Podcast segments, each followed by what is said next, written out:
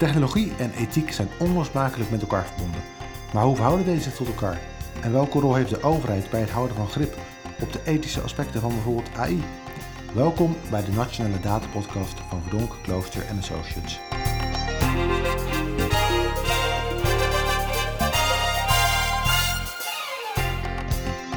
Welkom bij de Nationale Data Podcast, de podcast met inspirerende gasten en inzichten over het gebruik van data, algoritmes en artificiële intelligentie in de publieke sector. Vandaag vanaf locatie de TU Delft.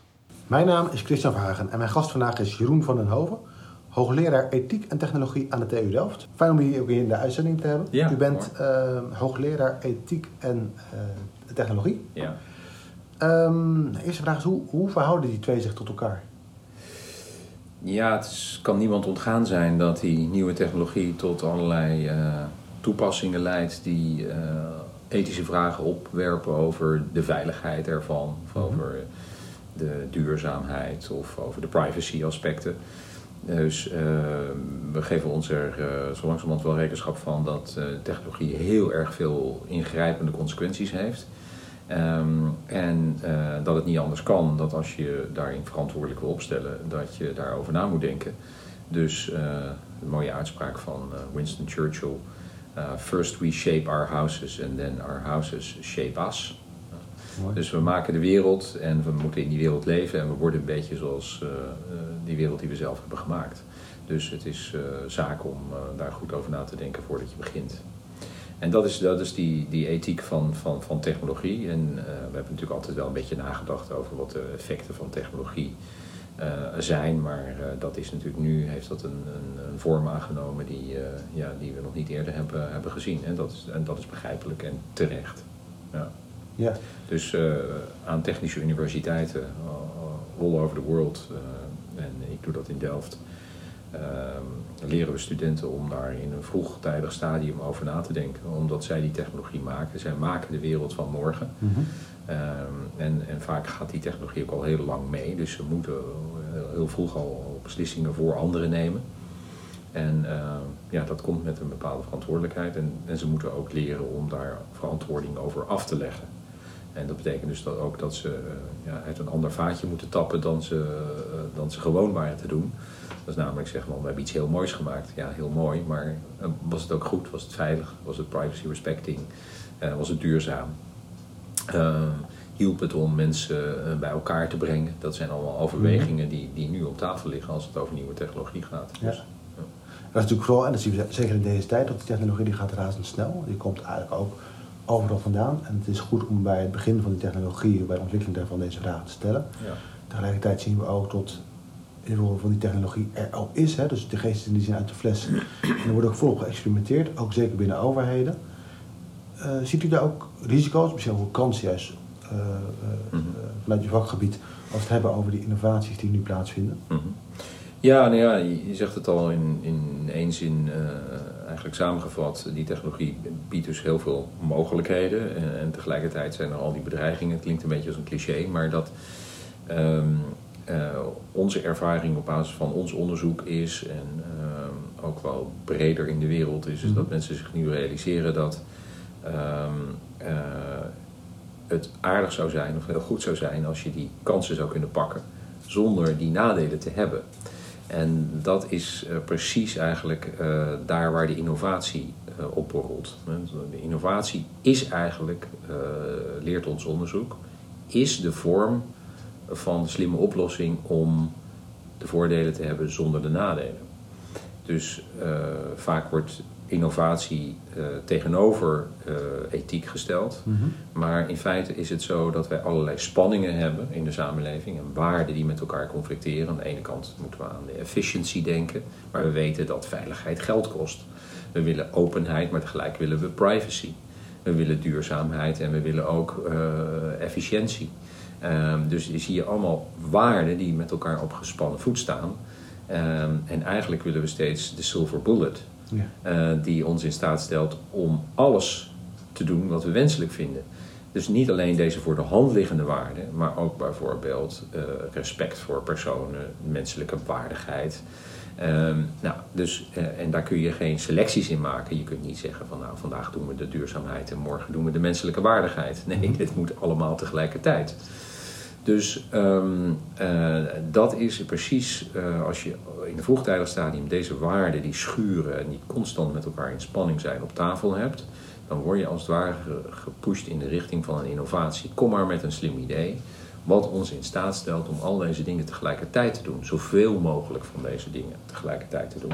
Dan doe je natuurlijk vanuit een ethisch oogpunt doe je iets heel goed. Doe je goede zaken. Mhm.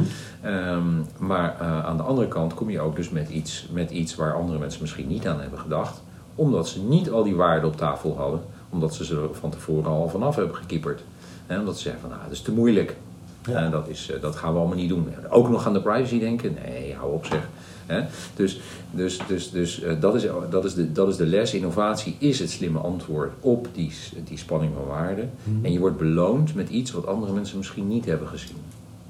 En nu ontstaat voor innovatie misschien ook wel wat meer bottom-up. En misschien ook wel onderdacht, waardoor dit soort discussies onvoldoende worden gevoerd. Uh, wat is er voor nodig, denk u, om te zorgen dat we toch aan de voorkant, ook bij innovatie, op een goede manier rekenschap nemen van al dit soort waarden? Ja, dat is een hele goede vraag. En dat, dat, is, dat is precies uh, waar, waarom die, die uh, zeg maar, uh, onderwijs zo belangrijk is. We moeten een nieuwe generatie van mensen die straks de wereld van morgen in elkaar gaan knutselen. het besef geven dat ze in een vroegtijdig stadium, dus als ze de requirements voor nieuwe technologie op tafel hebben. Mhm. Eh, het moet zo groot zijn, het moet rood zijn, of het moet deze bandbreedte hebben, deze opslagcapaciteit hebben, al dit soort dingen dat ingenieurs denken. Uh, op die manier. Je, je kan ze niet blijer maken dan met een lijstje van requirements. Mhm. Daar moeten nu ook, uh, moet daar onderdeel van uitmaken, de waarde requirements. En die moet je meteen meenemen als je die andere requirements ook op tafel hebt. Niet later gaan toevoegen als het allemaal al gemaakt is en het is, al, het is te laat, het is te duur om nog te doen. Um, en uh, dus dan, dan leer je om zeg maar voor waarden te ontwerpen, zoals wij dat noemen, of waardegevoelig te ontwerpen. Uh, en dat is nu wat er, wat er, wat er aan de orde is. Dat, is. dat is wat er moet gebeuren. Dat moeten mensen leren. Mhm. En de mensen die in, al van de universiteit af zijn, die moeten heel snel begrijpen dat dat in hun professionele praktijk nu aan de orde is. Dus ik zeg wel eens, het is een beetje een truc. het is een soort slate of hand. Um, om te zeggen dat ethiek gaat over requirements. Requirements for design. Dus dat stelt je ook in staat om als het ware de link te leggen tussen twee gescheiden werelden. De wereld van de ethiek en de, het recht en uh, waar mensen zich druk over maken, waar in de politiek over gesproken wordt. En aan de andere kant de wereld van engineering, software engineering, Ja. data science, uh, de algoritmes.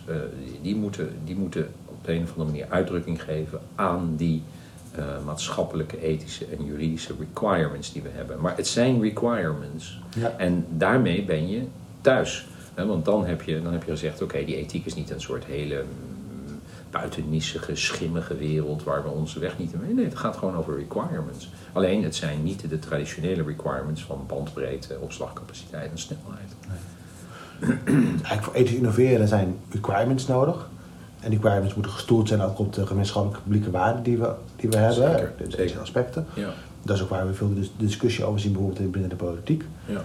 Ehm, die vertaalslag maken. Die vertaalslag vanuit publieke waarden naar requirements waar ook een, een engineer, waar ook een ontwerper uiteindelijk iets mee, mee kan. Mhm.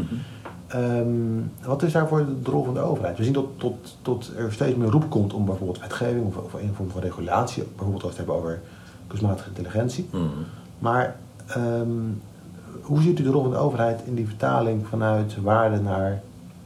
Ja, ik denk dat ze daar een hele belangrijke... Ik ben het daar zeer eens met eh, eh, Marianne Matsukato. Eh, dat is een, collega uit eh, de UK... die zich veel met innovatie bezighoudt... en die een lans heeft gebroken voor... Een mooi boek geschreven, The Value of Everything. Eh, waar, die een lans breekt voor de overheid als een launching customer... van veel van deze te- technologie en innovatie die nodig zijn voor in de komende decennia. Dus de overheid heeft altijd al een belangrijke rol gespeeld bij het initiëren van grote innovaties. Eh, inclusief het internet zelf, eh, bijvoorbeeld. Eh, Dus een vaak eh, state-related actors die daar eh, een rol in spelen. En ehm, dat zou zo moeten zijn. En dat zou eigenlijk niet meer een soort toeval moeten zijn, maar dat zou best wel weer wat systematischer mogen zijn. Het gaat over publieke waarden. We hebben natuurlijk de laatste decennia zijn we erachter gekomen dat die markt die publieke waarden niet noodzakelijk, of als het al gebeurt, op een hele zeg maar, halfslachtige manier kan bedienen. Er zijn allerlei imperfecties in het marktmechanisme dat we uh, decennia geleden zijn, zijn gaan omarmen. En zeggen, nou, dat, dat zal onze problemen wel als uh, bij toverslag uh, kunnen, kunnen, kunnen oplossen. Is niet gebeurd. Hè? En dat kan ook niet gebeuren. Um, daar, dus, dus daar zal de overheid, dat zijn wij met z'n allen, zal daar een rol in moeten spelen om, om dat gewoon op tafel te houden en centraal, centraal te stellen. en daar iets voor te gaan maken. En ja, dat zou ook wel kunnen betekenen dat we in Nederland en in Europa vanuit een heel andere set van waarden dan elders in de wereld wordt aangehangen, mm -hmm. dat we daarvoor moeten gaan, gaan, gaan, gaan werken. dus dat ehm, op deze manier, langs deze lijnen. Dus die, die, die, die core set van waarden, zoals menselijke waardigheid en alle mensenrechten centraal stellen en dan mhm. gaan innoveren daarvoor. Betekent het ook dat de overheid een, een stevige rol zou moeten pakken als hoeder van de publieke waarden? En de overheid zou uiteindelijk moeten gezamenlijk, maar ook een stevige rol moet pakken in uh, het reguleren van dit soort innovaties, ook het reguleren van de markt? Ja, zeker. Ja, absoluut. Dus reguleren van de markt, maar ook het reguleren van al deze toepassingen van die nieuwe technologie. Want het, het, het, het, het is niet zo dat als je dit aan de, de grote spelers, big tech spelers uit, uh, uit China en uit Amerika overlaat, hè, voornamelijk toch, en, en ook de, dat geldt ook voor de commerciële spelers in, in Europa, dat het dan als vanzelf wel goed komt met die publieke waarden. Want mensen hebben, je moet begrijpen wat de business logica is, hè, dat die is gewoon namelijk, uh, dat is gewoon winst maken. Ja. En, en dat is heel begrijpelijk, dat kun je ze ook niet verwijten, dat is gewoon namelijk de, de name of the game.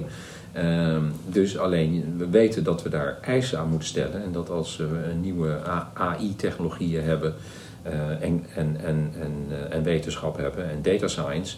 Um, dat, die, dat mensen gaan, gaan daar allerlei fantastische toepassingen in gaan, uh, in gaan bedenken en ook gaan vermarkten.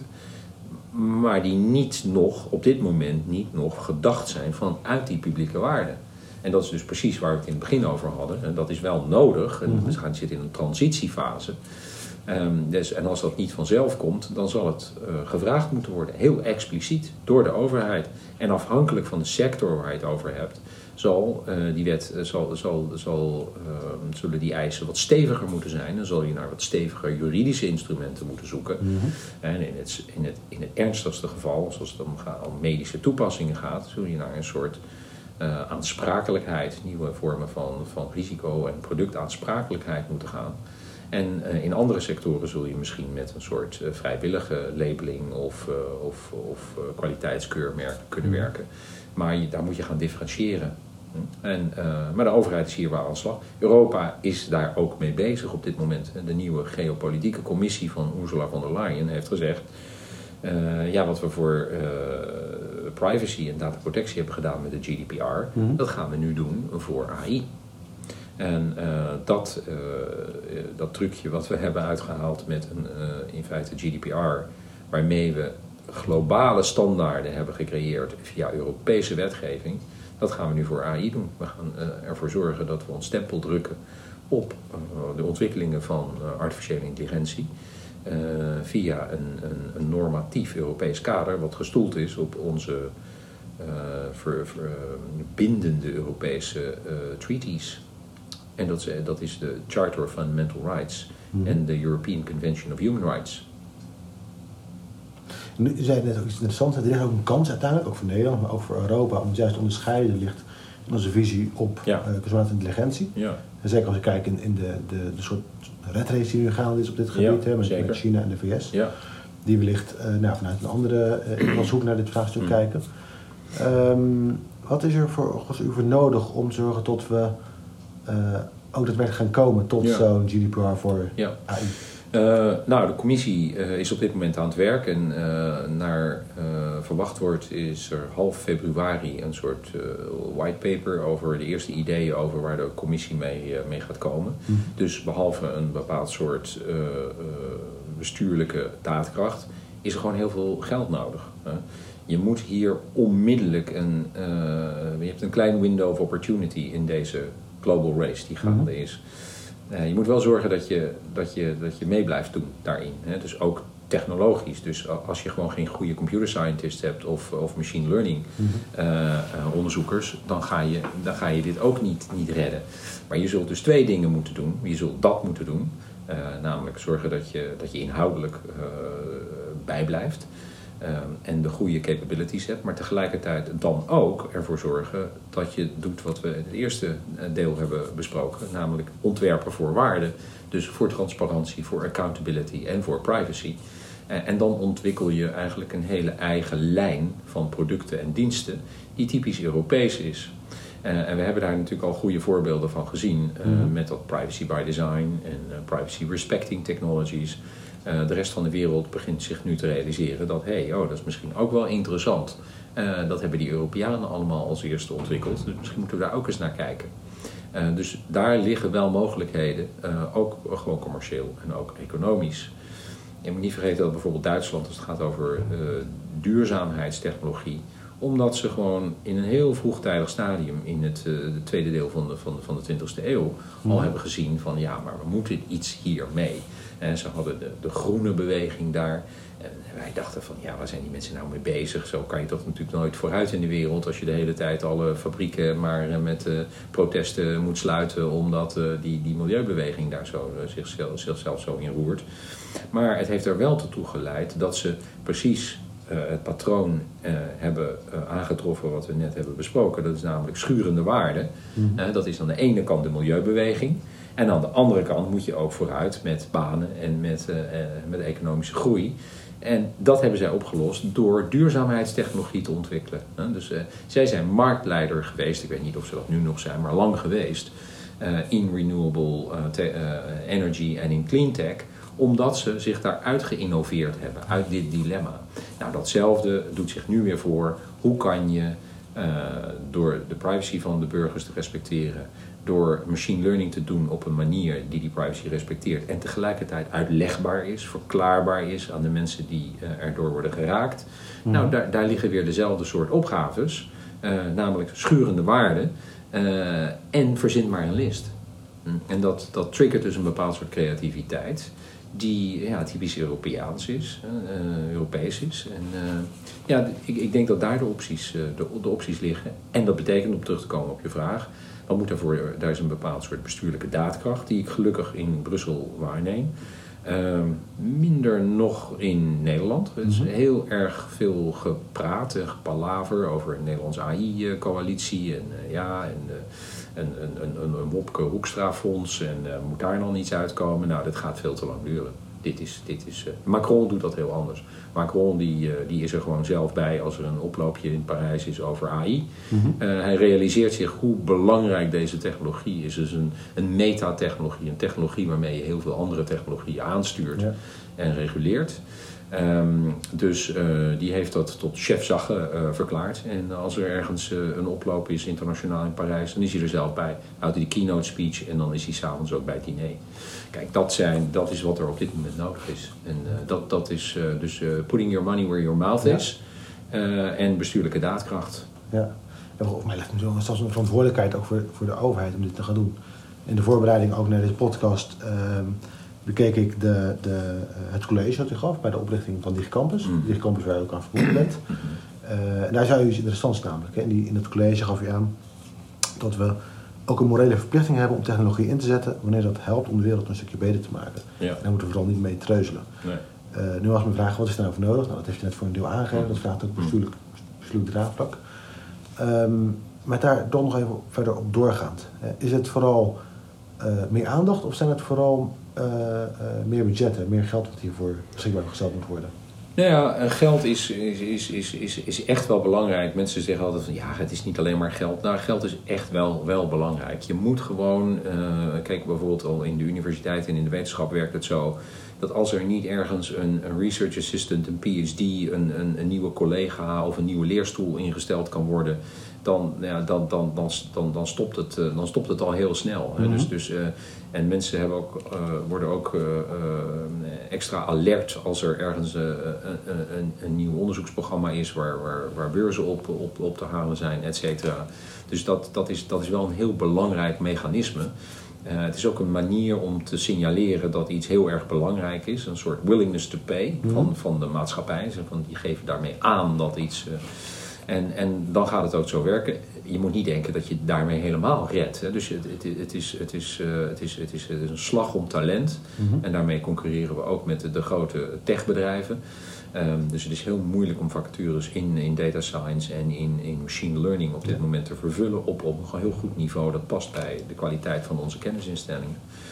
Um, dus uh, uh, je hebt beide nodig. Je hebt dat commitment nodig vanuit politiek en vanuit de samenleving. Uh, bestuurlijke daadkracht. En aan de andere kant gaat dat gewoon echt niet zonder geld.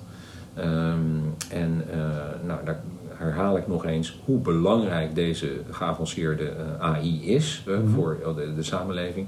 En als wij als Nederland daar een rol in willen blijven spelen, langs de lijnen die, die ik geschetst heb, dan, dan veronderstelt dat echt een nationaal plan, een deltaplan. En ik zie nog te veel gepalaver, ik zie nog te veel gepraat, ik zie nog te veel clubjes, ik zie nog te veel verschil van mening, ik zie nog te veel, oké, dit doen we in Eindhoven, dit doen we in Amsterdam, dit doen we in Den Haag, of dat doen we in Rotterdam of in Delft. Dus Nederland is heel klein, we concurreren echt niet met elkaar. We concurreren ook niet in Europa, we concurreren hooguit met mensen die technologie voor een heel ander doel willen inzetten op basis van hele andere waarden. En dat moet heel snel duidelijk worden. Ja. Een soort, een soort deltaplan voor technologie en Oh. voor AI. Ja, absoluut. Het lijkt me een hele mooie uh, call to action, een hele mooie oproep ook richting het einde van deze podcast te gaan. Goed zo. Dank voor uw verhaal. Uh, zoals u weet, aan het einde van de podcast stellen we ook altijd de vraag aan onze gast van wie zouden wij moeten vragen voor een volgende podcast? Of zo, wie heeft nog meer een inspirerend dataverhaal? Ja. Ja, ik denk dan bijvoorbeeld aan een, een Nederlandse collega die in, uh, voornamelijk in, in Brussel werkzaam is. Dat is collega Mireille Hildebrand. Zij heeft een grote ERC-subsidie van de Europese van de Research Council binnengehaald over data en over law Mhm. en over AI. En een van haar belangrijke punten is, is hoe, hoe, hoe zorgen we ervoor dat die menselijke maat, die menselijke waarden die heel erg belangrijke rol spelen in het recht, Mhm. dat die, uh, dat die uh, gerespecteerd blijven. Uh, in een soort computational turn in het, die in het recht zeker ook gaat plaatsvinden. en ook hier geldt weer, laten we vooral alle dingen onderzoeken en het goede behouden en daar ons voordeel mee doen. Maar laten we vooral niet die kernwaarden die aan juridische instituties ten grondslag liggen, laten we die niet dan met de baby weggooien water. Ja. Dank, dank voor deze mooie, mooie suggestie. Hopelijk worden wij binnenkort te lezen Ja. in de podcast. Graag gedaan. Dank.